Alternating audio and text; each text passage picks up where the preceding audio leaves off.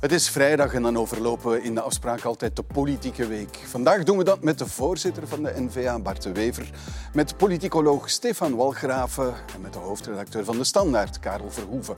Welkom bij de afspraak op vrijdag.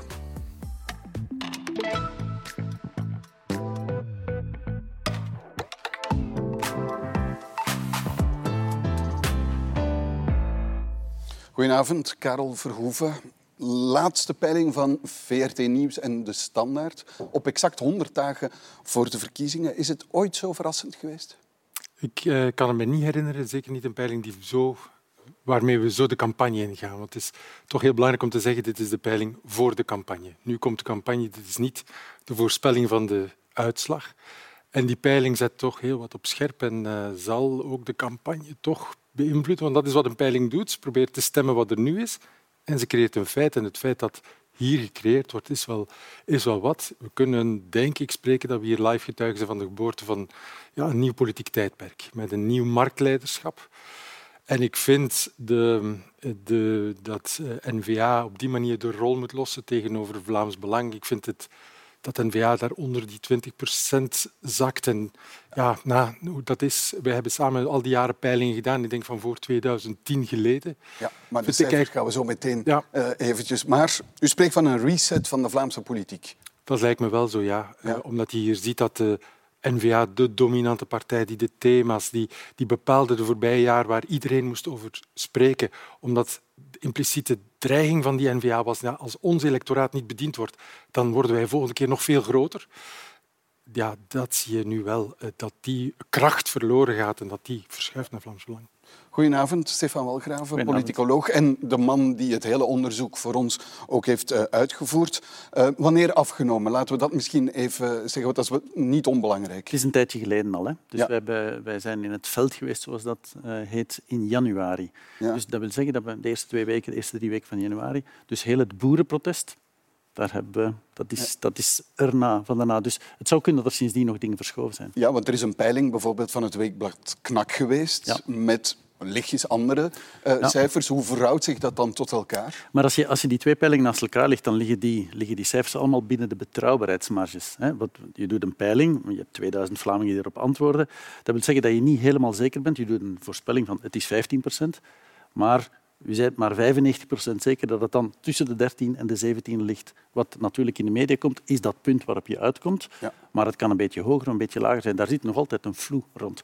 En als je die twee peilingen naast elkaar legt, dan zitten die perfect binnen elkaars betrouwbaarheidsmarges. Oké, goedenavond meneer De Wever. Zullen we eens even naar de peiling kijken en de cijfers er meteen bij halen? Dan weten we... Mij hoeft het niet, hè? Oh, nee, maar ik zou het graag... Uh, voorbij over... gaan, ja. Ja, ik zou het toch graag uh, overlopen. Laten we er eens naar kijken, want Vlaams Belang is inderdaad de grootste partij geworden. Was al een hele tijdje, maar ze kan bijna 28 procent van uh, de Vlamingen overtuigen. En dat is een winst van bijna 10 procentpunt in vergelijking met 2019. En dan inderdaad de N-VA onder de 20 procent. En dat is geleden van 2010 in een peiling uh, natuurlijk met een verlies van 6 procent. 2019 hadden we ook een peiling onder de 20. En dan twee peilingen later zaten we op 25. Maar we moeten zeggen dat je met die foutenmarges toch een beetje moet opletten. Uh, de peiling van Knak, ik ben het eens, statistisch is dat dezelfde peiling. Mm -hmm. Maar de perceptie die je eraan verbond, verbindt of kan verbinden, die is dramatisch anders. Nochtans is het dezelfde peiling. En ik vind dit eigenlijk een nuttige peiling voor ons. Het is een heel slechte peiling voor ons, omdat de maskers wel een beetje afvallen, vind wat, ik. Wat bedoelt u?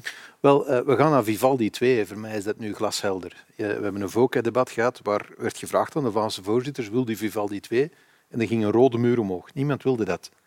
Het debat bij Kanaal Z was van een totaal andere orde. Daar zag je dat men zich al helemaal genesteld heeft in het idee Vlaams Belang gaat winnen, dat heeft het voordeel dat we de strijd met extreem rechts als excuus kunnen gebruiken om snel naar Vivaldi 2 te gaan. Okay, maar... En ik verdenk sommige collega's ervan dat dat fel is doorgesproken. En het voordeel van die peiling is, als ik de linkse media lees, standaard, uh, de morgen uh, knak, dat is bijna een vreugdevuur hè, dat vandaag ontstoken wordt. Ik heb net nog uw edito gelezen, dat is een vreugdevuur. Hè. Eindelijk is men van die vervelende N-VA verlost, die wel eens een institutionele agenda en een centrumrechts beleid zou kunnen doordrukken op dat federaal niveau. Lang leven het Vlaams Belang, waar natuurlijk geen enkele dreiging van uitgaat. Okay, maar dat is uw analyse van wat er mogelijk is en wat er zou kunnen gebeuren. Wat is de analyse van de oorzaak? Oh, dat de Europeaan, dat zeg ik al vaak, zich verraden voelt door zijn elite En dat is een beetje cynisch. Nu hebben we een regering die dat verraad eigenlijk bijna als regeringsbeleid voert. Uh, mensen die werken worden afgestraft, de grenzen worden opengezet. Het migratiebeleid wordt door Vivaldi zelf, mevrouw De Prater, chaos genoemd. Ja, en men maakt die rechtse kiezer zo boos dat hij doorschuift van N-VA. Ja, maar als een uiterst rechtse partij doorbreekt, is het niet onlogisch dat een centrumrechtse partij bloedt. En dat is het cynisme van Vivaldi. Men jaagt die kiezers nog liever door het wanbeleid naar het Vlaams Belang, wel wetende dat die partij federaal toch nooit aan bod komt en dat ze zelfs het ideale excuus levert om snel een Vivaldi-regering te maken. En ik heb de indruk dat heel veel Vlaamse commentatoren daar ook echt op zitten te wachten. Dus in die zin is dat wel een nuttige peiling. De zaken zijn inderdaad op scherp gezet. Het belang van de kiesstrijd voor ons is 100% eh, duidelijk. Ja, hebt u een vreugdedans gemaakt? Nee, helemaal niet. Het was eigenlijk een, eh, een eh, oproep aan meneer De Wever om... ja, hij, wat uit de peiling blijkt, is dat hij de enige is mhm. die die leegloop naar Vlaams Belang kan stoppen. Dat hij de enige formatie is, dat hij het kiespotentieel heeft om terug te halen van Vlaams Belang. Dat blijkt dat nu uit deze cijfers niet. Integendeel, dat, dat blijkt er is een andere tendens. Er is een andere tendens bezig. Wat je ziet is eigenlijk een avenue die, die georganiseerd wordt en die kiezers haalt van van het centrum, centrum links, geleidelijk aan naar NVA. Er is een stroom naar NVA en vanuit NVA naar Vlaams Belang. Maar als je in de diepte in de cijfers kijkt, zie je dat, de, dat het potentieel van NVA om terug te halen van Vlaams Belang daar nog is. En dat is er helemaal niet meer bij Vooruit, CD&V, Open VLD. Die is, is dat zo, uh, professor? Ja, het klopt kan helemaal. NVA nog kiezers van Vlaams Belang terughalen? Ja, absoluut. Dus die, maar heel veel van de kiezers die nu bij Vlaams Belang zitten, stemde ooit voor N-VA en stemde in 2004 ook voor het Vlaams Belang. Want eigenlijk, N-VA heeft het Vlaams Belang leeggeplukt. En nu zijn die kiezers in grote mate terug naar Vlaams Belang gegaan. Die lange termijn, daar hebben we niet echt zicht op, maar daar komt het eigenlijk op neer. Die twee partijen delen een ongelooflijk groot potentieel. Op dit moment is 30 procent van de N-VA-kiezers zou voor het Vlaams Belang kunnen stemmen. En net omgekeerd. Dus je hebt, je hebt die 30 procent en dat scheelt een slok op een borrel natuurlijk. Als je de 30 procent aftrekt of bijtelt, dat is een heel groot verschil. En om meneer De Wever een beetje uh, zin in het debat te geven, als je kijkt naar de, veel zin in. Ja, als, als, je, als je kijkt naar, naar de, de grootte van, van de grootte van het potentieel, zie je dat dat potentieel van N-VA bij Vlaams Belang iets groter is. Mm. En bovendien dat die kiezers ook iets onzekerder zijn. Dus ik denk, als er verschuivingen zijn in de campagne, op dit moment lijkt erop dat de kans groter is dat ze van Vlaams Belang naar N-VA gaan dan omgekeerd. Dat is nu net het nadeel van zo'n perceptie van een peiling. Die van Knak had je 4% verschil en dan geeft dat helemaal de psychologie, dat kunnen we nog goed maken. Dat is 2% in de kering, we vliegen erin. Krijg je dan statistisch net dezelfde peiling, maar je knikt onder die 20, dan is de psychologie het einde van een tijdperk, het spel is gespeeld. Ja, ja dat moedigt natuurlijk niet aan. Hè. En, Mag ik dan toch eens even... Ik denk inderdaad dat er niks verloren is. We moeten die honderd dagen gebruiken om te trachten die kiezer, uh, die boos is, en ik begrijp waarom dat die boos is, ik deel die boosheid, te verleiden om een constructieve stem maar uit te brengen. Kan die kiezer ook boos op u zijn? Rick van Kouwlaar spreekt van het Demir-effect. Namelijk, in landelijk gebied, het beleid in de Vlaamse regering rond stikstof heeft ja, ten opzichte van uw partij een negatief effect. Ja, Deelt u die analyse? Ik heb daar met Rick al veel gesprekken over gehad, maar dat lijkt uh, niet te lukken. Ik deel die analyse misschien dat in landelijk Vlaanderen bij de boeren veel ongenoegen is, maar dat het stikstofbeleid het beste beleid is dat je voor de boeren kon voeren en dat die decreet het allerbeste is dat men nog kon krijgen, ja, dat is gewoon een waarheid als een koe. Sorry voor de flauwe woordspeling. het niet, niet over die, dat heeft te maken met het feit dat het in die Vlaamse regering zo lang heeft geduurd om dat uiteindelijk tot stand te brengen. Ik denk dat, dat daar de pijn on, onnodig lang gerokken is. Voor dan nog de bushaltes die worden afgeschaft in landelijk uh, gebied? Nou, maar eerlijk gezegd, ik geloof daar geen snars van. In elke regio in Europa zijn er best wel problemen, maar Vlaanderen is in uitstekende vorm. Hè. We gaan naar 80% werkzaamheidsgraad. Onze rekeningen zijn op orde. Uh, het beleid dat de Vlaamse regering heeft gevoerd is een beleid voor werkende, productieve mensen. Het contrast met het federale België kan niet groter zijn. Als de kiesstrijd erop neerkomt om die twee modellen tegen elkaar te verdedigen, dan ben ik er echt wel gerust op. Maar, maakt de kiezer dat onderscheid? Ja, ik, ik wil nog even op het vorige terugkomen. Namelijk, als je, we hebben ook gevraagd, en dat hebben we voorlopig niet gerapporteerd, we hebben gevraagd aan de mensen die van partij gewisseld zijn, waarom ben je gewisseld? We hebben niet alleen gevraagd waarom stem je op partij, waarom ben je gewisseld? En we zijn dan eens gaan kijken, ik heb dat deze namiddag nog gegaan, naar gewoon naar de open antwoorden van de mensen die van N-VA zijn vertrokken. Het woord dat daar het meest in voorkomt is beloftes. En het woord dat daar het meest mee gecombineerd is breken of mhm. gebroken. Mhm. Dus Dat is eigenlijk wat je ziet. Die mensen hebben voor de NVA de kracht van verandering en mhm. zeggen nu, ah, die verandering is er niet gekomen. Dat, is, dat komt heel duidelijk. En, in ieder geval, dat is de perceptie. En zie je een verschil wat de stelling van meneer De Wever is tussen het Vlaamse niveau en het federale niveau? Nee.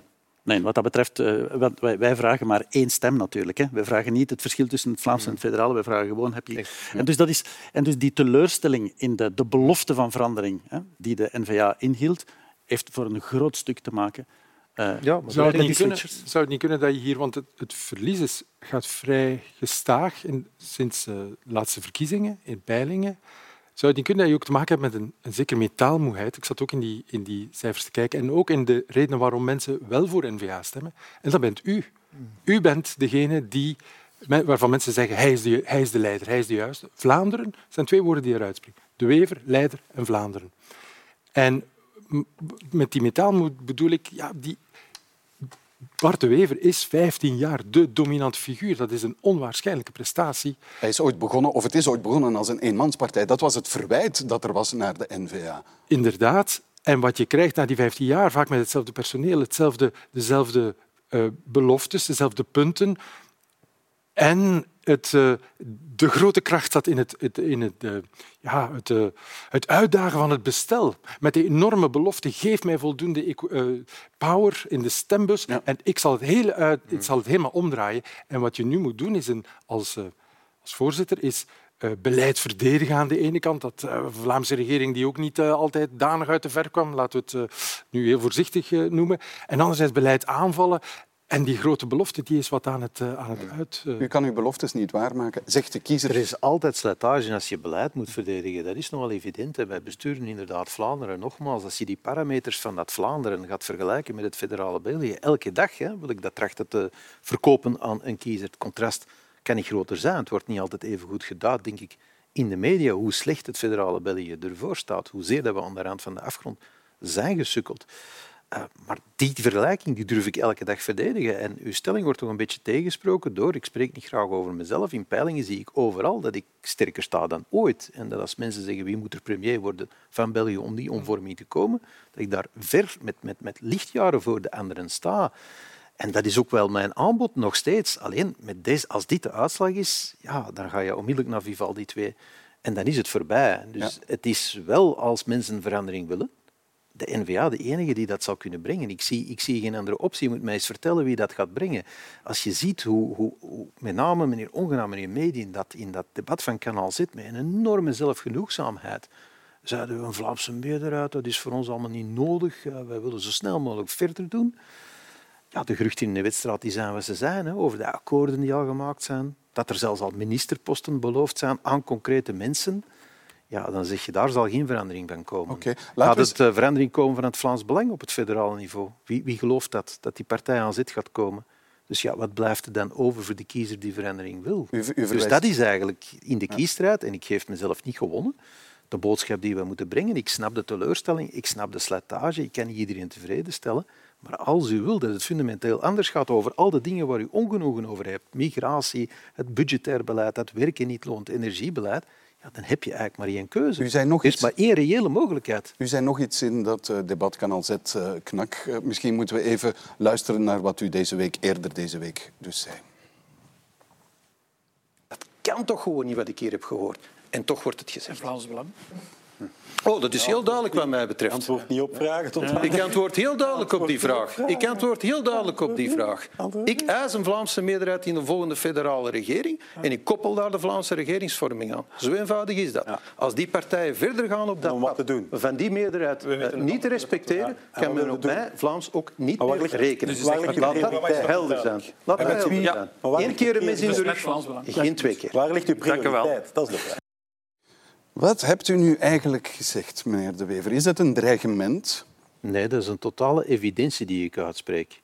Een totale evidentie. Het gaat over het dus samenwerken met Vlaams Belang, hè? uiteindelijk? Nee, daar, gaat het helemaal niet over. Dat heb ik zelfs niet uitgesproken. Ja, ik heb die analyses gelezen. U zelden, hebt het niet uitgesproken, zoveel maar bedoelt u dat of bedoelt u dat niet? Nee, natuurlijk niet. Ik heb zelden zoveel analyses gelezen die volledig bezijden de woorden en bezijden de kwestie zijn. Nu moeten ze toch eens inbeelden dat als die jongens, wat ik vermoed, onmiddellijk Vivaldi 2 Met die willen jongens maken. bedoelt u de voorzitters van, Van de Vivaldi-partijen, waarvan vooral de centrumrechtse partijen ik dit zeer kwalijk neem. Dus ik merk, de Vlaamse pers is niet verontwaardigd dat de twee grootste partijen van het land aan de kant worden geschoven. Ze zijn niet verontwaardigd dat de grootste regio, die 70% van de belastingen betaalt, 83% van de export doet, niet in de meerderheid is. Ze zijn niet verontwaardigd dat de zevende partij een premier levert. Dat is eigenlijk allemaal blijkbaar Belgische democratie, dat is normaal. Maar ze staan allemaal in een kramp op het moment dat ik zeg, ja, als je daarmee verder doet, dan kan u geen partner zijn voor mij. U moet zich toch eens inbeelden, ik rond af. Zij doen verder. Ik moet dan voor een N-VA-congres verschijnen en zeggen, vrienden, verkiezingen zijn een beetje tegengevallen, dat is jammer. Federaal doet Vivaldi verder, Vlaanderen opnieuw in de minderheid, opnieuw Franstalig linksbeleid, maar je hebt die PTB-voorstellen op tafel ligt. Maar goed, dat is wat het is. En nu gaan we met diezelfde partijen die dat doen, Vlaams een regering maken. Dan word ik gewoon buiten gedragen. Goed, u wordt dan buiten gedragen alles wat en ik dus heb is de gezegd. Consequentie... alles wat ik heb gezegd. Dus is de consequentie als die Vivaldi 2 gevormd wordt zonder u erbij, dan hebt u geen andere keuze dan op het Vlaamse niveau met Vlaams Belang een regering te vormen als dat een mogelijkheid is. Nee, dat heb ik helemaal niet gezegd. Maar bedoelt Trouwens, u dat niet? Alles in die stelling is fout. Ik ga niet bij Vivaldi. Hè. Vivaldi zonder mij. Vivaldi is niet mijn ambitie. Mij gaat het, mij gaat het erover dat als, grondige- als dat mes in uw rug wordt Dat is wat gestoken, meneer Verhoeven heeft gezegd. Hè. Als dat een in- grondige hervorming van dit land. als dat Met mes in uw uitslag- rug wordt gestoken opnieuw, meneer De Wever, zoals u het, het is zegt, niet alleen- gaat u dan met Vlaams Belang in die Vlaamse regering in een meerderheid, ja of nee? Ten eerste, het is geen mes in mijn rug. Het is een mes, denk ik, in de rug van elke rechtgeaarde Vlaming. Maar blijkbaar zijn we minder dan ik dacht. Ten tweede, ik zal u eens duidelijk zeggen, ik heb een hekel aan extremistische partijen. Ja, u- vroeger, heel- vroeger was het een Chinese muur voor u. Ja, ik ben nooit van opinie wat dat betreft veranderd en ben ik zeer consequent in. Ik heb een hekel aan extremistische partijen. ik zie daar geen enkel heil in. partijen opnieuw u er buiten houden op het federale niveau, Dan wat gaat zij, u dan, doen? ben ik hun partner niet om Vlaanderen te besturen. Oké, en wie is dan uw partner wel om Vlaanderen te besturen? Ja, maar zij PvdA. kunnen ook Vlaanderen besturen. Hè. Ze hebben een meerderheid met de PvdA volgens die Dus u peiling. gaat u volledig die de pe- Waar bent u oppositie nu in? eigenlijk over bezig volgens die peiling? Ja, het lijkt mij- Die historische peiling hebben we zelfs geen meerderheid in VA en Vlaams Belang. Waar ben je nu over bezig? Zij kunnen met de PvdA ook besturen. Voor de Franstaligen zal het geen probleem zijn hè, om de PTB erbij te nemen. Als het lot van dit land is dat wij door links worden gedomineerd hè, en dat de Vlaming, wat hij ook stemt, hij kan de boom in, hoe rechts dat hij ook stemt, hoe zeer hij het systeem beu is, het is van geen tel.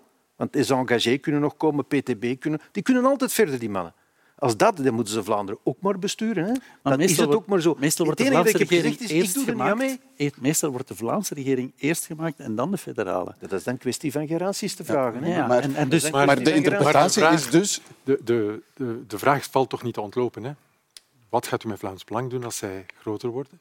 Maar voor u is dat blijkbaar een obsessie Nee, met Vlaams Belang. wel, ik heb geen enkel dus verwantschap met vraag- Vlaams Belang. Ik voel- die u openlaat. Ik voel niks voor die partij. Ik heb meneer Van Langenhoven nog eens bezig gehoord. Ik heb mijn bekomst daarvan. Ik moet er niet Mhm. van weten. Ik ben absoluut geen fan van extreem rechts, ook niet van extreem links. Extreem links mag wel besturen. Maar- maar Daar is geen nu- cordon sanitair rond. Ik ben geen believer van het cordon, maar ik hou niet van extremistische partijen. Dus wat ik hoop, is dat ik deze tendens nog kan keren, dat er federaal uit een ander vaatje kan worden getapt en dat wij Vlaanderen een, een, een normaal centrumrechts bestuur maar- maar anders stapt u, als dat niet lukt, stapt u in de oppositie. Dan zegt u, ik bestuur dan Vlaanderen ook niet. Het enige dat ik heb gezegd, maar dat lijkt me glashelder, want beeld het u winnen. Wilt u het proberen voor een N-VA-congres komen Maar en het is zeggen wel- Vivaldi 2 is vertrokken. maar wij maar gaan met die is- Vivaldisten Vlaanderen besturen. Wil iemand De in deze regering- studio dat proberen? nog één keer vragen. ik ga dat niet doen. U zegt, ik ben tegen extremisten. Dries van Langenhoven citeert u als een verwerpelijk, eh, of een verwerpelijke persoon waar u niet mee wil samenwerken. Verwerpelijke ideologie. Of een verwerpelijke ideologie. U gaat dus niet met Vlaams Belang samenwerken wanneer u niet kan deel uitmaken van die federale regering en u wel een meerderheid kan vormen op het Vlaamse niveau met Vlaams Belang. Wat is dat toch met die obsessie van jullie? Het grote verschil moet federaal gemaakt worden. Waarom is die Vlaams Belangkiezer kwaad? Die vindt het migratiebeleid verschrikkelijk, die vindt sociaal-economisch beleid, budgetair beleid, die wil de kerncentrales open. Vlaanderen is voor geen van deze zaken bevoegd.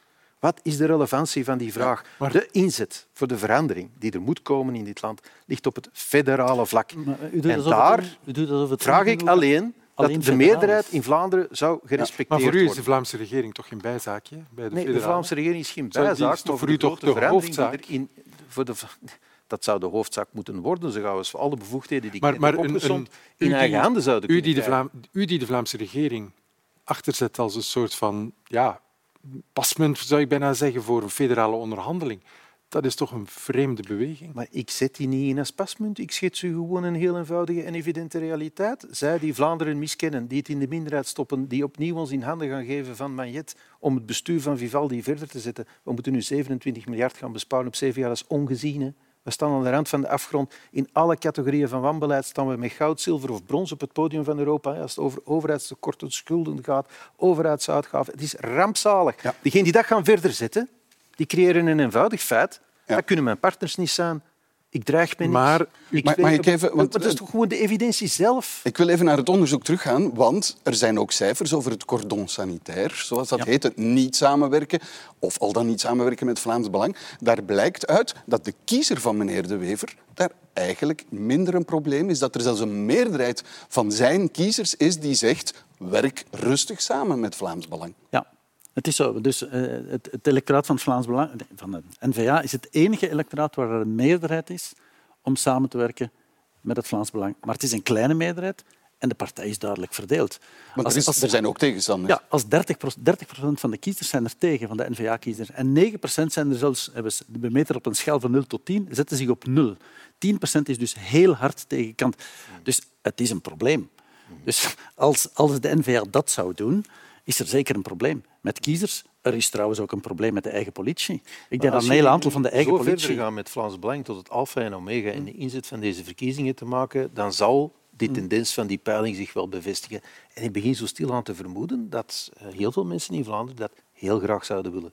Liever een groot Vlaams Belang en een NVA die krimpt omdat daar geen dreiging van uitgaat op het federaal niveau. Ik kan toch niet ontkennen de intensiteit van alle edito's die nu verschenen is als ik de morgen lees. Het druipt er gewoon vanaf. Hoera, het Vlaams Belang is terug. We zijn verlost van de NVA. De dreiging dat er eens een niet-links beleid zou kunnen komen in België, laat staan confederalisme, de dreiging is verdwenen. Uw eigen edito, dat is toch de rode draad. De historische kans is verkeken. Nee, de ja, de druipt eraf. De historische en ik vind het in, zin, in die zin een nuttige peiling. Hè. Dus maar het onze kiezer is, mag het, mag het duidelijk zijn het inzet is. Dat u, dat u door die, die deur naar Vlaams Belang niet carrément dicht te doen, dat u daar iets creëert, ook in het electoraat. Dat die uw, krant heeft het het VVD-moment genoemd. En dat is een vergelijking met Nederland. Is leg, eens even uit, leg eens even uit, meneer. Wel, in, in uh, de strijd tussen VVD en PVV. VVD was in de, dus de, de, de regering van de, van de premier, die naar de stembus ging in volle glorie, die in volle verwachting dat ze het opnieuw ging kunnen waarmaken,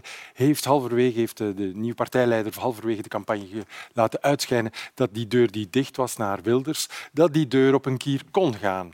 Wat de uitstroom uit die liberale partij, VVD is een liberale partij, wat die uh, uitstroom naar de Wilderskiezer, uh, naar Wilders van de kiezer heeft, uh, heeft versneld.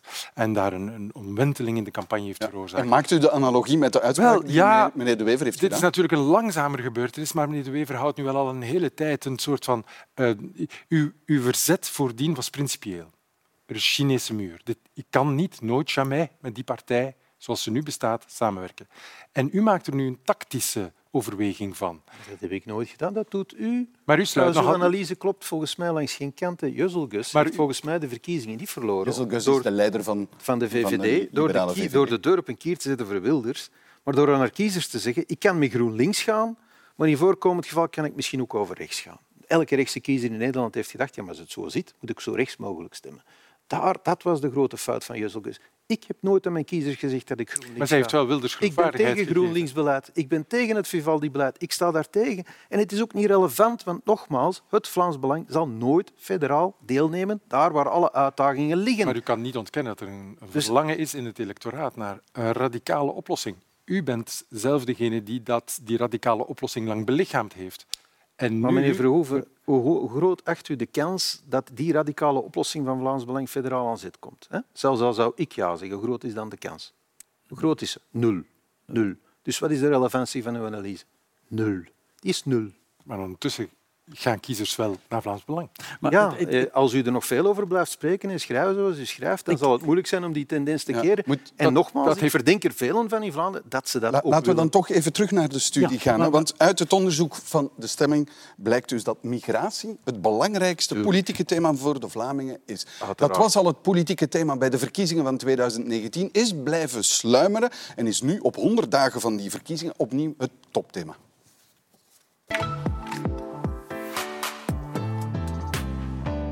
Veel mensen liggen wakker van ons migratiebeleid omdat ze zien dat het vierkant draait. Er is veel chaos. En het is gewoon zo dat wij terug grip moeten krijgen op die migratie. Wat eraan heeft bijgedragen is dat, het, eh, dat andere partijen daar mee op zijn gesprongen en dat zij die angst mee aanwakkeren. Van N-VA tot en met vooruit uh, zijn daar mee opgesprongen en lopen achter Vlaams Belang aan. Mevrouw De Moor heeft daarover onderhandeld en met veel poeha aangekondigd dat ze een Europese deal heeft waarbij er eindelijk solidariteit uh, vaststaat en mogelijk wordt. Met een optie om eventueel te zeggen wij kopen dat af met die 20.000 euro. Wij willen dat afkopen met die 20.000 euro on a déjà donné. Maar we moeten wel realistisch blijven. We hebben afgesproken in Europa dat elk land zijn eerlijke deel moet doen. En dus ook ons land. En zomaar beloven dat hier in de toekomst geen enkele vluchteling nog zal toekomen, dat is de mensen iets wijsmaken. En daarmee verkoopt de N-VA, net zoals Vlaams Belang, boerenbedrog. Het thema migratie gaat denk ik over veel meer dingen dan enkel migratie, waarvoor wij de staatssecretaris leveren, die dat dag in dag uit met Europese collega's werkt. Denkt u dat haar beleid wordt gewaardeerd door de kiezers als we kijken wat er uit de onderzoeken komt? Ik denk dat we ook goed moeten uitleggen wat we doen. Voor de partij Vlaams Belang hoeft er geen volledige migratiestop te komen, waarbij dus geen enkele migrant nog naar ons land zou mogen komen. De enige type migranten komen uit Europa en het Westen en we zijn hoog opgeleid. Daar wensen we een uitzondering voor. Ja, professor. Goed, migratie, dat stellen we vast, is het topthema. Maar hoe komt dat? Wat is de oorzaak? Waarom is het het topthema? Ja, dat is moeilijk te verklaren, omdat je natuurlijk de realiteit hebt, die zeker een deel van de verklaring is. Maar kijk naar alle andere Europese landen rondom ons. Overal, in Oostenrijk, in Duitsland, in Frankrijk. Het is, het is eigenlijk een thema waar op dit moment de traditionele beleidspartij waar tegen geen kruid gewassen is. Niemand krijgt het opgelost en je ziet overal in Europa eigenlijk die radicaal-rechtse partij die daar uh, springen. Dat is een soort... En dus denk ik dat we niet te geobsedeerd moeten zijn of wat we bij ons fout doen, want het is gewoon een, een, een, een, een ruimer thema. Je moet ook zeggen, na, natuurlijk dat, dat uh, zoals mevrouw van der Linden zegt, dat migratie ook een symbool is van onbehagen. Dus dat, dat je, je, hebt, je hebt uiteraard de migratieproblematiek, maar je hebt ook een algemeen onbehagen, individualisering, de samenleving, gemeenschap die uit elkaar... En dat endt zich ook op migratie. Er is meer aan de hand dan alleen migratie. Maar je ziet het overal gebeuren. Er is eigenlijk maar één Gallisch dorpje waar het niet gebeurt, en dat is ten zuiden van ons, in Wallonië. Ja. Het is heel merkwaardig, maar daar is het eigenlijk... Uh... Dat niemand het exploiteert in Wallonië, want ja. het is er wel. Ja. ja. Maar dus als je kijkt in Wallonië naar wat mensen vinden, dan zie je dat ze eigenlijk in grote mate dezelfde standpunten hebben als de Vlamingen. Maar er is geen partij die het aanbod biedt. Dus, wat dus betekent dat migratie ook voor een stukje wordt gedreven door wat partijen zeggen. Ah, dat is de stelling van mevrouw Nagy, uh, de co-voorzitter van Groen, die zegt dit wordt aangezwengeld door de politiek zelf, maar ook door de media. Akkoord? Um, half ja. Uh, in, er is natuurlijk de realiteit. Er is die uh, op, op 10, 20 jaar tijd die enorme... Uh, kijk, we hebben onlangs de cijfers nog gepubliceerd op 20 jaar tijd. Is een verdubbeling van 2 naar 4 miljoen van mensen met een migratieachtergrond. Je hebt uh, dus een, van 1 op 7 naar 1 op 3 mensen met een migratieachtergrond. Bij jongeren 1 op 2. En daarop komt dan asiel. En asiel is maar 10 van, van de migratie. En daarop kun je wel zeggen dat het probleem... Als je kijkt naar de voorbije 20 jaar de curve van asiel, dan is dat geen stijgende lijn. En daar zie je wel, er is natuurlijk een grote instroom, maar het feit dat die niet beheerd wordt, is natuurlijk wel een politieke daad. Ja. Namelijk, er zijn op een bepaald moment Theo Franke heeft op het hoogtepunt van de crisis 33.000 opvangplaatsen georganiseerd. Oké, maar is, de stelling is, door erover te praten maak je het groter. Akkoord nee, je moet erover praten, maar de taal waarin erover gesproken wordt, is wel steeds meer naar rechts gegaan en is steeds meer in het, uh, heeft steeds meer van het jargon, de klankkleur van Vlaams Belang overgenomen. En uh, een tweet van Theo Franke nog maar deze morgen, hij had het over een een uh, huisgezin van 2021 in West-Vlaanderen, uh, asielzoekers, die een maand gratis brood. En dan somt hij op, nu uh, waren ze erkend, somt hij op welk, hoeveel geld ze krijgen. Om, En komt uit bij 2400 euro en zegt dan, het zijn zotten die werken, waarom komen zoveel asielzoekers en migranten naar het land? Dan vraag ik me af. Is dat dan niet waar? Het is waar, maar op die manier... Niet. Ja, maar het politiek exploiteren op die manier, wat is de intentie om het op die manier... U had maar denkt u nu echt dat de mensen die waarheden niet kennen? Dat alleen, alleen journalisten kunnen zoiets verzinnen. Dus het migratiethema is altijd aanwezig geweest. Nadat mevrouw Merkel heeft gezegd, weer schaffen dat, is het omhoog geschoten om nooit meer weg te gaan. Het heeft niks met Marrakesh te maken. Ik lees die analyses in de standaard, maar die zijn nonsensicaal. Dit leeft. En in dat migratiethema komen twee grote ongenoegen samen. Het sociaal-economische, het zijn zotten die werken. Want andere mensen komen hier, hebben nooit bijgedragen en mogen onmiddellijk aanschuiven aan het buffet van de sociale zekerheid. En meneer Mayet zegt voor mij, illegalen moeten ook in de sociale zekerheid. Mensen zijn niet gek, ze horen dat, ze zien dat. Die cijfers die zijn juist. Maar ook het cultureel ongenoegen komt hier samen. Niet alleen het idee dat Europa zomaar doorwaadbaar is voor iedereen die wil komen en dat de oplossing voor elk conflict in de wereld is, gaan we naar Europa. Maar ook dat er respect moet opgebracht worden voor al die mensen en hun cultuur, dat is heel juist. Maar dat er geen respect meer wordt opgebracht voor de westerse cultuurgeschiedenis, dat is het culturele ongenoegen. En dat snappen mensen niet. En dat lezen ze niet in jullie kranten. En daarvoor voelen ze zich miskend. En dus dat migratie een vliegwiel is waar heel extreem rechts in Europa ja, naar een herleving aan het gaan is, die bijzonder gevaarlijk aan het worden is, dat is juist. Maar denk je daar door niet over te spreken, de juiste cijfers onder de mat te vegen, het probleem kleiner geworden electoraal, je kunt er anders, verzin je, je dat kunt er anders over spreken dan in de taal van Vlaams Dan- Belang. Eh, Ja, op welke dan manier? gewoon de juiste cijfers je kunt- dan? nee, je niet kunt, geven. Je kunt over wat nu en wat, wat men nu probeert, de optie, want de, het idee dat we het zonder migratie gaan redden, en dat uw partij stelt dat ook niet voor trouwens, dat we het zonder migratie zouden redden, is gewoon een gek idee. Dus het, eh, de, je, kunt over, je kunt over migratie op een veel genuanceerder manier eh, praten, die, eh, die de dingen in hun juiste proportie ook ziet. En waarom, hebben wij, waarom zijn die asielzoekers een deel van de reden waarom de asielzoekers zo'n beeld geworden zijn van de migratie, is natuurlijk omdat het niet geregeld geraakt, omdat die opvang niet geregeld geraakt. wie, wie, wie, welke kiezer is gevoelig voor migratie? Zegt, zegt de studie daar iets over? Ja, en- en uiteraard zijn dat de, zijn, zijn dat de parameters die we kennen. Hè. Dat dus het hangt samen met politieke ontevredenheid, het hangt samen met scholing, het hangt samen met opleiding, het hangt samen met geslacht. Dus al, die, al die parameters zijn bekend. Ik, ik denk dat de cruciale kwestie het woord is wat mevrouw Nicole de Moor veel gebruikt, namelijk het woord controle. Dus het idee, en, je hebt dat ook daarnet gezegd, het, het idee dat dit, dat dit onder controle is, dat de staat dit reguleert, dat er, dat er geen ongecontroleerde instroom is, lijkt me essentieel te zijn. En, en vandaar dat de hele discussie over die zo- zogenaamde bandbreedte ook een heel interessante discussie is, omdat die exact gaat over controle. Wat laten we toe? Wie laten we toe? Onder welke voorwaarden? Enzovoort. En dan maak je dat beheersbaar. En het is de onbeheersbaarheid. Maar allez, meneer De Wever, laat ons eerlijk zijn. Hè, toen u de staatssecretaris voor migratie had, eh, meneer Franke zei ook voortdurend dat het niet onder controle was. Hè. En, en Excuseer, hè. Wij hebben nooit iemand op straat laten slaan. Nee, nee, nee, nee. Laat staan Nee, nee, maar het onbegeleide idee- kinderen. het idee dat dat- hebben de groen-linkse regering Vivaldi heeft dat gepresteerd van kinderen onbegeleid de op de straat te laten slaan. Maar het was niet onder controle. Hè. Het was Nee, nee. pompen of verzuipen. Ja. Maar, wij hebben gepompt. Hè. Wij zijn niet verzopen. Hè. Ik heb hier een Vivaldi-voorzitter horen zeggen het migratiebeleid in dit land is complete chaos. Hè. Dat gaat over de minister van een eigen regering waarover die Maar er is wel een flinke afbouw gebeurd van de opvangcapaciteit. Uiteraard. Ja. Besparing van 22 miljoen om in 2018 een crisis te hebben in de opvang. Toen er denk ik 13.000, 14.000 asielzoekers waren. Ja, dan voel je wel...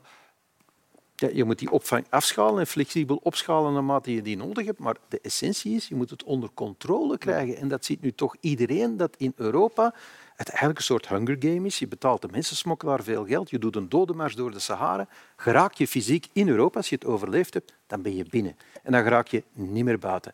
En dus dat paradigma van Europa deugt niet. Men moet illegale migratie niet toestaan. Principieel kom je illegaal, dan kom je er nooit in. Dat is het Australisch model.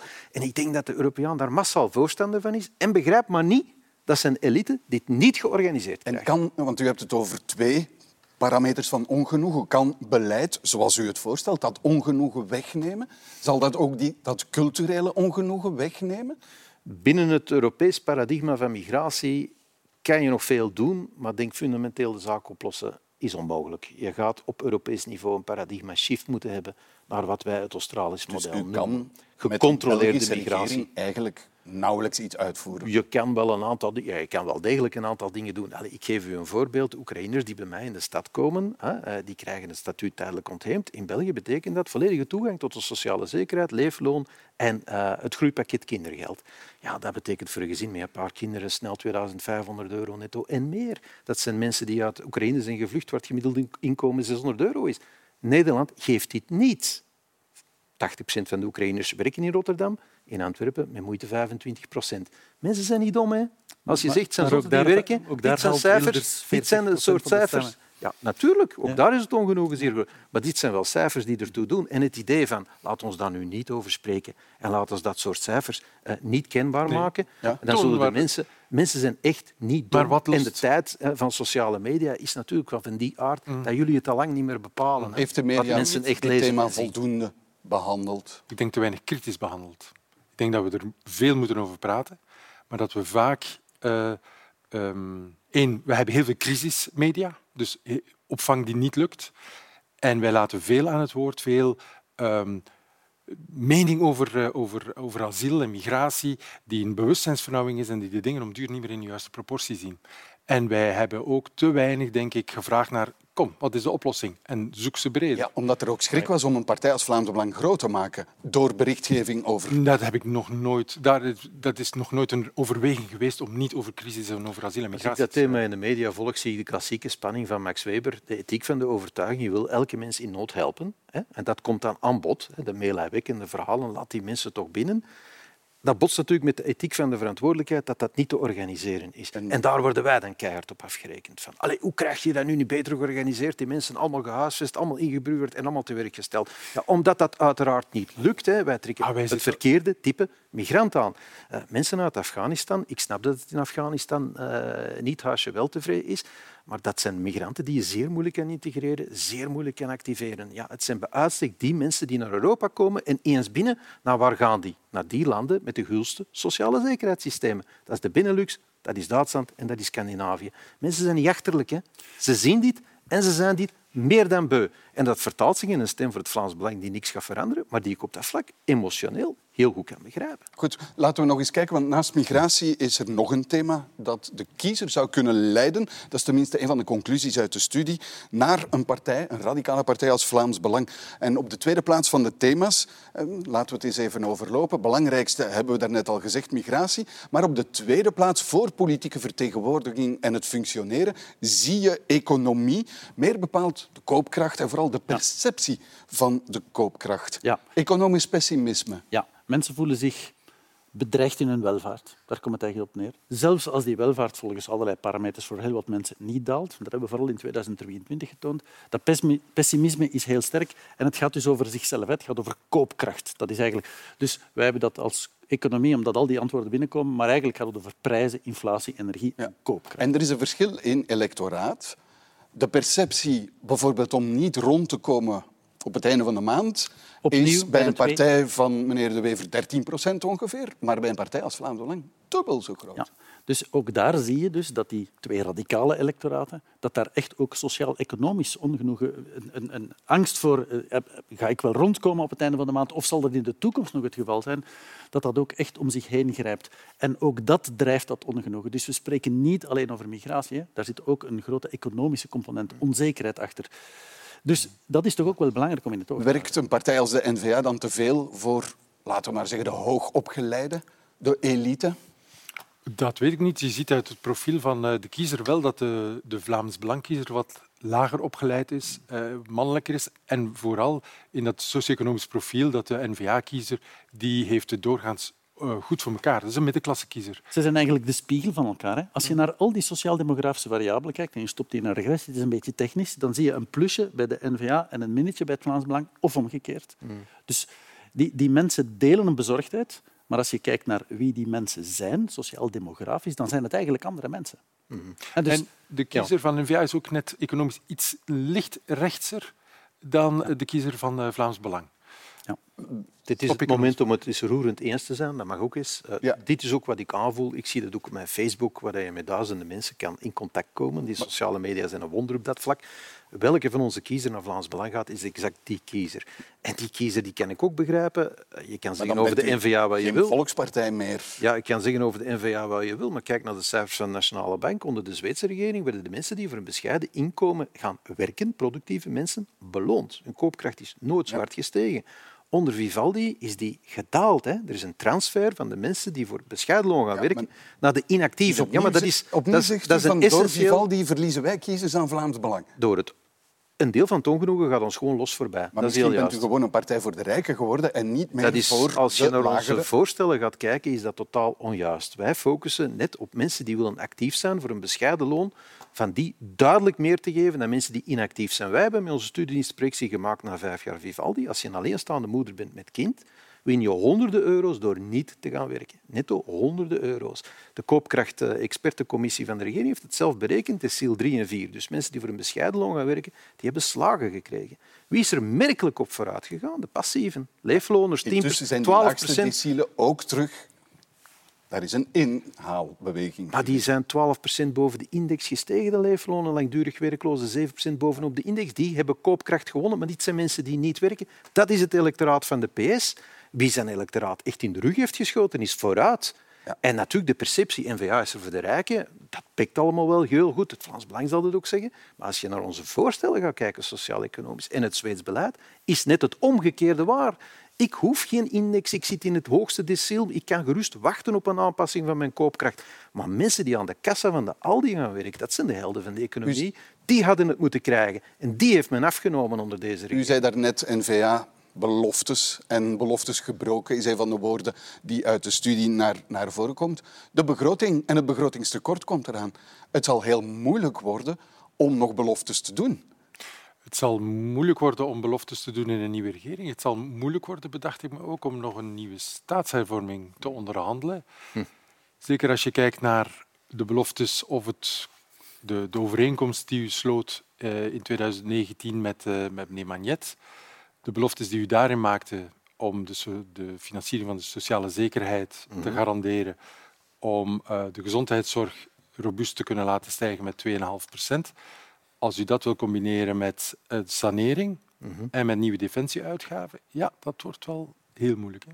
Maar dat heb ik al duizend keer gezegd. Dat de magie van 2019 dat lijkt wel de prehistorie. Bovendien ben ik de eerste om toe te geven dat akkoord met de PS was eigenlijk met elkaars wetmatigheden erin, want er stonden ook enorme lastenverlagingen in voor Vlaamse ondernemers.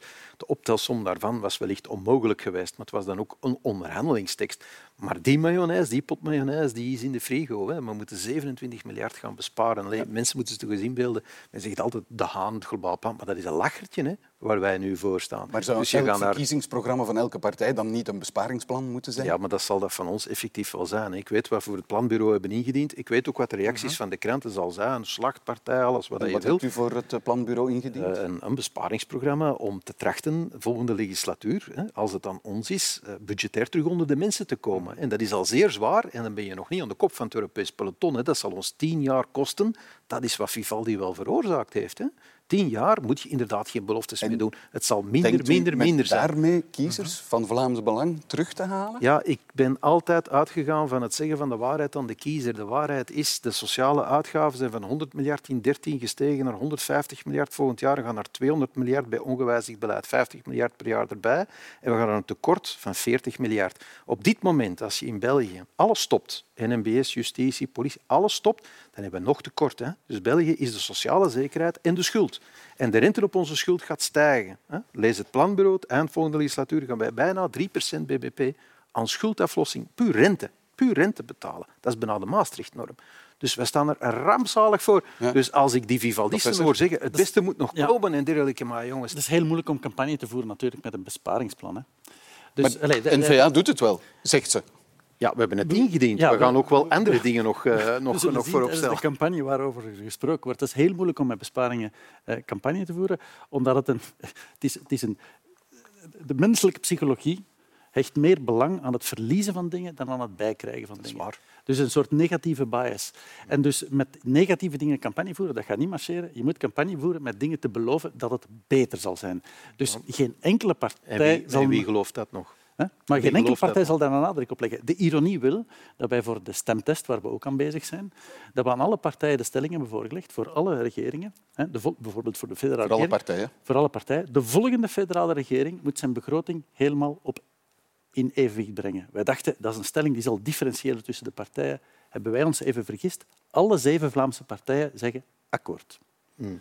En dus we gaan die stellingen niet kunnen gebruiken in de stemtest, maar omdat is... alle partijen ermee eens zijn. Terwijl natuurlijk het beleid... Uh... Zal er een realistisch plan volgen van al die partijen om die stelling waar te maken? Inderdaad, één, één Vivaldi-partij te vinden die opkomt met een belofte die niet totaal haak staat op het beleid dat is gevoerd. Je moet er eens één zoeken. Wij gaan uiteraard nog positieve dingen beloven. Maar als je niet zegt dat het positieve wordt mogelijk door een ingrijpende sanering daar waar je ze moet doorvoeren, ja, zou iemand dat nog geloven? Als je nu plots in de VVD hoort, ze gaan de werkloosheid beperken in de tijd, nadat ze de langdurig werklozen zo in een zetel hebben gezet en eh, de PS eigenlijk heel zijn programma hebben laten uitvoeren. Wie gelooft dat nu eigenlijk nog? Wat, wat, wel interessant is... Als, Waren de Franstalige partijen trouwens ook unaniem? Allemaal. Alle zes Vlaams, oh, Franstalige, partijen. Dus we kunnen die stelling niet gebruiken. Okay. Omdat ze niet discrimineert. Maar dat is toch bijna crimineel, meneer? Maar je zegt zelf schuld en inflatie. Dat is goed. Dat is een paard en een kar. Dus daar moeten we mee verder gaan. Het, het, het is, en dat valt mij wel op, ook eh, als we naar de open thema's vragen, dat staatsschuld het vijfde belangrijkste thema is. En, en, hier zie je een heel groot verschil. Hier zie je bijvoorbeeld dat, dat N-VA-kiezers staatsschuld een veel, zich daar veel meer zorgen over maken. Dus ik denk, uh, meer dan de Vlaamse Blankiezer? Veel meer. Dat is een enorm groot verschil. En dus de, de, de N-VA-kiezer, dus meneer De Wever, heeft zijn kiezers wel overtuigd dat dat een, een zorg is. Maar ik geloof dat niet. Is dat niet gerelateerd aan het feit dat die N-VA-kiezer ook de politiek het beste volgt? De CD&V en de N-VA-kiezer sprongen eruit als diegenen die het meest politiek kennis hebben. En ik denk, mensen die weten hoe we aan toe zijn, die maken zich enorm veel zorgen over, over... Dus het zijn, zijn, gewoon slimme mensen, bedoel je eigenlijk? Dat heb ik niet gezegd. Dat heb ik niet gezegd. Maar als... Nee, nee, nee, dat heeft niks met slim of opgeleid te maken. Maar als je de zaken een beetje volgt, hè, je moet niet alle OESO-rapporten lezen, maar als je nog maar een beetje dat volgt, dan ben je toch doodsbenauwd. Als je met, met alle indus captains of industrie spreekt, we hadden ze in Antwerpen. Ja, het is pessimisme troef, hè. Dus pessimisme troef. De kracht van verandering, meneer Verhoeven, de slogan die de NVA ooit in 2012 ja, naar voren bracht, zal besparen zijn. Dat zal de kracht van verandering zijn. Ja, en ik vraag me af in welke mate de pre-campagne Vlaamse welvaart, in welke mate dat nog uh, de, leidraad wordt voor, uh, voor N-VA. Want dat lijkt me van op afstand de enige manier waarop zij die, eh, die besparing nog gaan kunnen legitimeren, of zullen legitimeren, in, in een, een, soort wervend programma gaan kunnen gieten. En daarmee ook Vlaams Belang, kiezers terughalen van Vlaams Belang. Namelijk de belofte, met Vlaams Belang zal het niet lukken. Dat lijkt mij nog de, de enige manier, want inderdaad, het is een belangrijk thema, staatsschuld is een belangrijk thema bij N-VA-kiezers, maar dat is het helemaal niet meer bij, bij Vlaams Belang-kiezers en bij de kiezers, bij uw kiezers die dreigen over te lopen van naar Vlaams Belang, is vooral ja, migratie belangrijk. Nog, Vlaamse welvaart zal het uitgangspunt zijn van onze campagne. En beide woorden hebben hun belang. Hè. Het is Vlaams en het is welvaart ik geloof niet op federaal niveau dat je nog recht getrokken krijgt, omdat ik zie dat meneer Mayet totaal door die PTB wordt opgejaagd. De meest krankzinnige voorstellen. Ik geloof niet dat dat nog recht getrokken Dus u bent kandidaat-premier om eigenlijk te falen. Nee, ik ben kandidaat-premier om sociaal-economische hervormingen door te voeren en institutionele, omdat ik niet geloof dat je vanuit Vlaams perspectief de juiste sociaal-economische hervormingen nog doorgevoerd krijgt bij het zuiden van dit land. Omdat wij kijken allemaal naar Vlaams Belang, als konijnen naar lichtbak. Het zuiden is ook iets bezig. Hè? Daar komt een communistische partij, trouwens in Vlaanderen, die ontsnapt aan alle aandacht, staat die ook in dubbele cijfers. Een van de rijkste regio's van de wereld heeft een communistische partij in de dubbele cijfers. Dit is een beetje crazy aan het worden. En je ziet ook dat Magnet volledig gebiologeerd is door uiterst links. Als je dan weet dat er Vlaamse partijen van plan zijn om je minderheid terug met die man te gaan onderhandelen, dan geloof ik niet dat de welvaart zal gered worden hè, door die volgende regering, tenzij dat daar ook een belangrijk institutioneel luik in zit. Ja, maar u weet ook, met de score die Vlaams Belang haalt en de gecombineerde score PTB en PVDA, dat je richting 50 op 150 zetels gaat met die twee radicale partijen en dat je dus bijna alle andere partijen nodig zal hebben om ergens nog maar een staatshervorming te kunnen realiseren. Ik ben blij dat u dat zegt, want net daarom is elke linkse Vlaming, die natuurlijk aan België houdt, want dat is veel linkser dan Vlaanderen, en elke Belgicist dolblij met die score van het Vlaams Belang. Maar, maar, vandaar dat het uitgangspunt, hè, de vraag zal de N-VA regeren met het Vlaams Belang, ook zo belangrijk is. Want als ze dat doen op Vlaams niveau, dan is, worden ze natuurlijk uitgesloten, want ik zou het om willen draaien. En dan zal er uiteraard nooit een staatshervorming komen. Dus de enige weg voor de professor, dat is toch niet relevant? Want die hypothese die bestaat pas als er een Vivaldi 2-regering is en we dus opnieuw maar geen staatshervorming en links sociaal-economisch... Je kunt toch eerst die Vlaamse ja, regering dan zullen we daar Dat effectief... heb je altijd al zo gedaan. Ja, dat is niet onmogelijk, maar dan zullen we het daar ook effectief eens over moeten hebben. Hè? Over hoe we het federaal dan gaan aanpakken. Hè? Ik zeg het één keer, geen twee keer. Hè? Dus dat, dat, Ik vind dat irrelevant. Op het moment dat je zegt van oh, N-VA, Vlaams Belang, dan gaat dat alleen over het Vlaamse niveau. Maar dan is het kalf federaal al lang verdronken. En op alle thema's die die blankkiezers belangrijk vinden ook, dan zijn we eraan voor de moeite. Dus zo, ik lig daar echt niet zo van wakker Het is wel een, jullie, een heel somber beeld wat de voorzitter van de NVA Het is toch geen somber beeld, dat is gebaseerd op cijfers. Nee, het economische beeld... Maar dat is een zeer realistisch beeld. Ja, maar wel somber. Ja, ik kan er ook niet aan doen. hè. Lees het planbureau, lees OESO, lees het laatste rapport. Lees, lees bijvoorbeeld is het ratingbureau Fitch, wat die over ons land geschreven hebben. Bon, kunnen we het daar eens over hebben tijdens de campagne? Ja. Ja, maar Het is, het is wel een somber beeld en er is heel veel tactiek waar u mee naar de campagne komt. En de vraag is, is dat niet... eh, waar leidt het toe, al die tactiek? Ook omdat er soms wel veranderingen in tactiek zijn. En uw positie, ik wil wel premier worden van dit land, maar dan alleen van een technocratenkabinet. En dan, dat is mijn voordeel dat ik heb tegenover Vlaams Belang, want die kunnen helemaal niks federaal. En ja, waar, waar laat dat de essentie voor eh, het electoraat, voor de kiezer? Maar dat is toch een helder verhaal trouwens. Ik ben nog nooit van tactiek veranderd. Ik ben effectief kandidaat-premier. Ik ben dat duidelijker dan ooit tevoren. Dat is nu eens mijn volgende stop in de geschiedenis. Dat zal in de 16 zijn, of het zal een mislukking zijn. U weet Ik dat ooit technocratenkabinet. zei, wie in de 16 Het is eigenlijk een zijn? Ja, ja, dat is waar, maar dat risico wil ik nemen. Het is een mini-kabinet dat ik wil vormen, waarbij je eh, vermijdt dat je een 500 dagen politieke crisis gaat. Want als je over institutionele vormingen moet gaan praten, dan ben je voor een eindje vertrokken.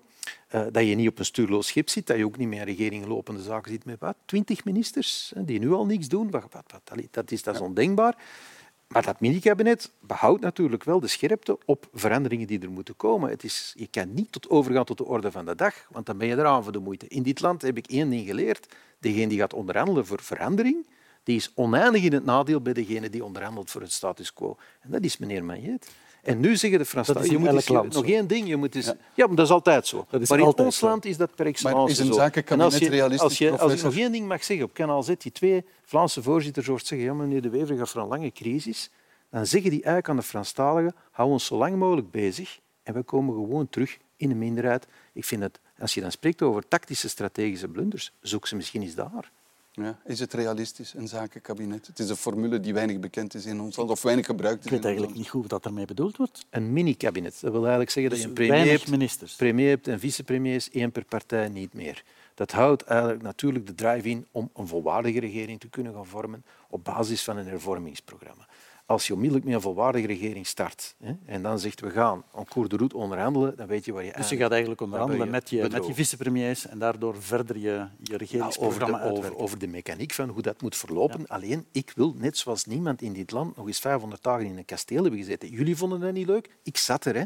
Kan u zeggen, dat is ook niet de leukste periode van mijn leven. dit soort Nooit meer. Hè. Ik ga niet meer in Hertogine al binnen zonder dat ik weet langs welke deur ik buiten rijd. Eén keer heb ik dat gedaan eh, in 2010. Die fout ga ik ook niet herhalen. Als uw electoraal gewicht vermindert, moet u dan ook niet wat van stijl veranderen om dat mogelijk te maken? Dat zullen we dan op 9 juni effectief zien. Hè. Wat het electorale gewicht is. Ik denk dat u de inzet van de verkiezingen heel goed hebt geschetst. Hebben we een kans op verandering of niet? Ik denk dat dat samenhangt met mijn score. Met die van het Vlaams Belang zal het niet samenhangen. Daar waren we het eigenlijk roerend over eens. Dus de Vlaming moet kiezen. Ik hoop dat het duidelijk is, de keuze. Dat is ik kan het- met alles leven, eh, maar, maar zoals u hebt geschetst nu, Edito, ik besef ook wel, dit is de laatste historische kans. Eh, ik zou het graag doen, zo niet. Dan zal het op een andere manier gebeuren, maar ik denk dat je daar pas echt weinig vrolijk van zal worden, van wat er dan op ons afkomt. Het is het einde van deze afspraak op eh, vrijdag. En daarmee is weer een politieke week netjes neergelegd. Zoals altijd dank ik mijn gasten voor de deskundige hulp daarbij. Bart de Wever, Stefan Walgraven en Karel Verhoeven.